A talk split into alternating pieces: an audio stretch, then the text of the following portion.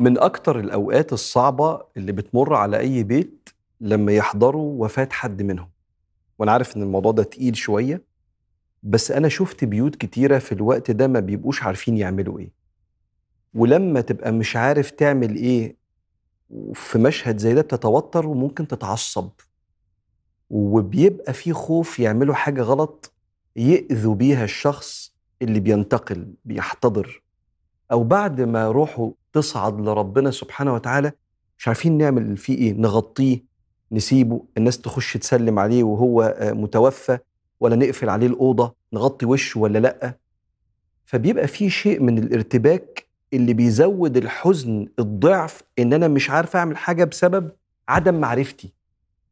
وطبيعي إن كتير مننا ما يبقاش عنده معلومة في الحتة دي لأنها مش من ضمن الحاجات اللي الواحد بيتكلم فيها عادة البشر ما بيحبوش الكلام في الموت. فخليني أقول لك ثمان آداب نبوية وسنن منسية. إذا شهدت إنسان بيحتضر اسمعها كده واستحملها كده وخليها إيه عندك.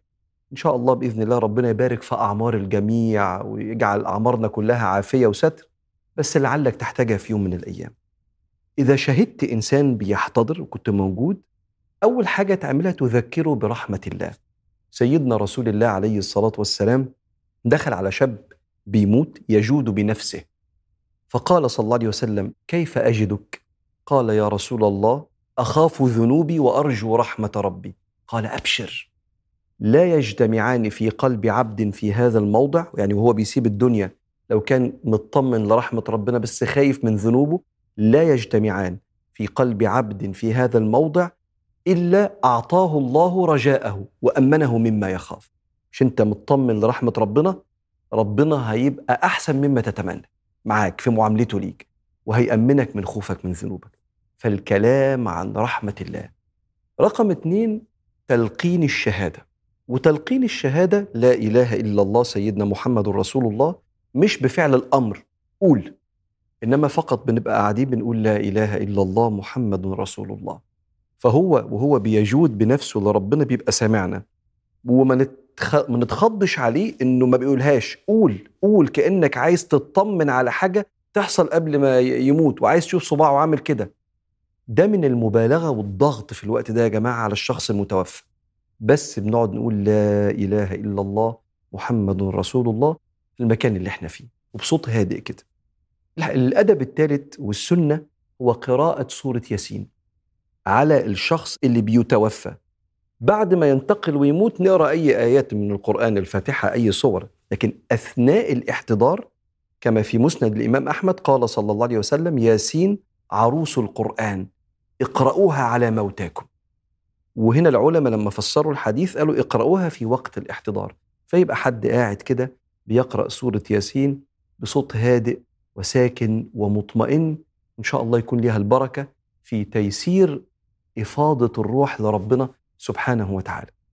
رقم خمسة إنك أنت لما بينتقل الإنسان لو كان عينه مفتوحة أنت بتغمض عينيه دخل النبي عليه الصلاة والسلام على أبي سلمة سيدنا أبو سلمة أول المهاجرين من الصحابة. وقد فاضت روحه وشخص ببصره إلى السماء فأغمض النبي صلى الله عليه وسلم عينيه. حط إيده كده وأغمض عينيه. وقال إن الروح إذا خرجت تبعها البصر. فكأنه أنتوا عارفين ليه بيفتح عينيه؟ إنه بينظر لروحه وهي صاعدة إلى مولاه. فبيغمضه صلى الله عليه وسلم أيضا في سكينة وهدوء. رقم ستة إن إحنا وإحنا موجودين بعد ما يتوفى الشخص العزيز علينا اللي إحنا حضرنا وفاته لا نتكلم إلا بخير. وسيدنا النبي قال كده عليه الصلاة والسلام لستنا أم سلمة لما أبو سلمة توفي. قال لا تدعوا على أنفسكم إلا بخير فإن الملائكة يؤمنون على دعائكم. لما واحد يموت ما بنقولش كلام سلبي ما بنقولش مثلا زي يا خرابي يعني كأني بستدعي الخراب يا لهوي بستدعي الشيء اللي بيلهيني المصيبة اللي تلهيني كأني بنده على حاجة. مش بنعمل كده.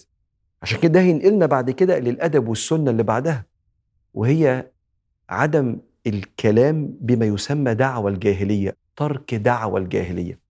قبل بعثة النبي عليه الصلاة والسلام الناس ما كانش عندها رب عنده قضاء وقدر. فلما حد كان بيموت قال صلى الله عليه وسلم ليس منا. من لطم الخدود, وشق شق الجيوب ودعا بدعوى الجاهلية. لطم الخدود معروف شق الجيوب كأن الواحد من حزنه بيطلع من هدومه. دعا بدعوى الجاهلية يعني زي اللي بيقول ده اتخطف قبل ميعاده. بدري. كأن ربنا سبحانه وتعالى ما عندوش قدر. كأن ربنا سبحانه وتعالى بيفاجئنا بحاجات آه، هو ما كانش نفسه هو سبحانه وتعالى مرتب ليها أو بمعنى أدق, أدق مقدرها ومدبرها. فكأني بقول لربنا ما بدري يا رب. ليه عملت فينا كده؟ سايب الدنيا كلها وجاي على بيتنا وتاخد أعز الناس. كل كلام لا ينفع الحي ولا ينفع الميت. ومؤذي جدا جدا والملائكة بتأمن فكأن سيدنا النبي بيقول لك خد بالك خلي الكلام كله في اتجاه الرضا عن الله أو أو الصمت لو الإنسان مش قادر يتكلم بالشيء اللي فيه خير. السنة النبوية قبل الأخيرة في حضور المحتضر وشهود المحتضر هو تغطية وجهه واتعلمناها من غزوة أحد لما سيدنا مصعب بن عمير قتل شهيد فلم يجدوا له إلا برد البرد زي قماشة أو زي عباية كده إذا غطوا وجهه بانت قدمه وإذا غطوا قدمه بان بانت رأسه. فقال النبي غطوا رأسه. يبقى لو إحنا الحمد لله رب العالمين دلوقتي الناس يعني عندها الحفة بتاعت البيوت والملايات والأشياء اللي بتستخدم بتغطي جسم الإنسان كله. فإحنا لما الإنسان بينتقل بنغطي آه، وجهه كنوع من آه، يعني حرمة الميت وكنوع من يعني اللي بيبقى أكثر سكينة. حتى لما الناس تخش كده ما يبقاش في شيء ممكن بعض الناس بيفزع لما بيشوف الميت.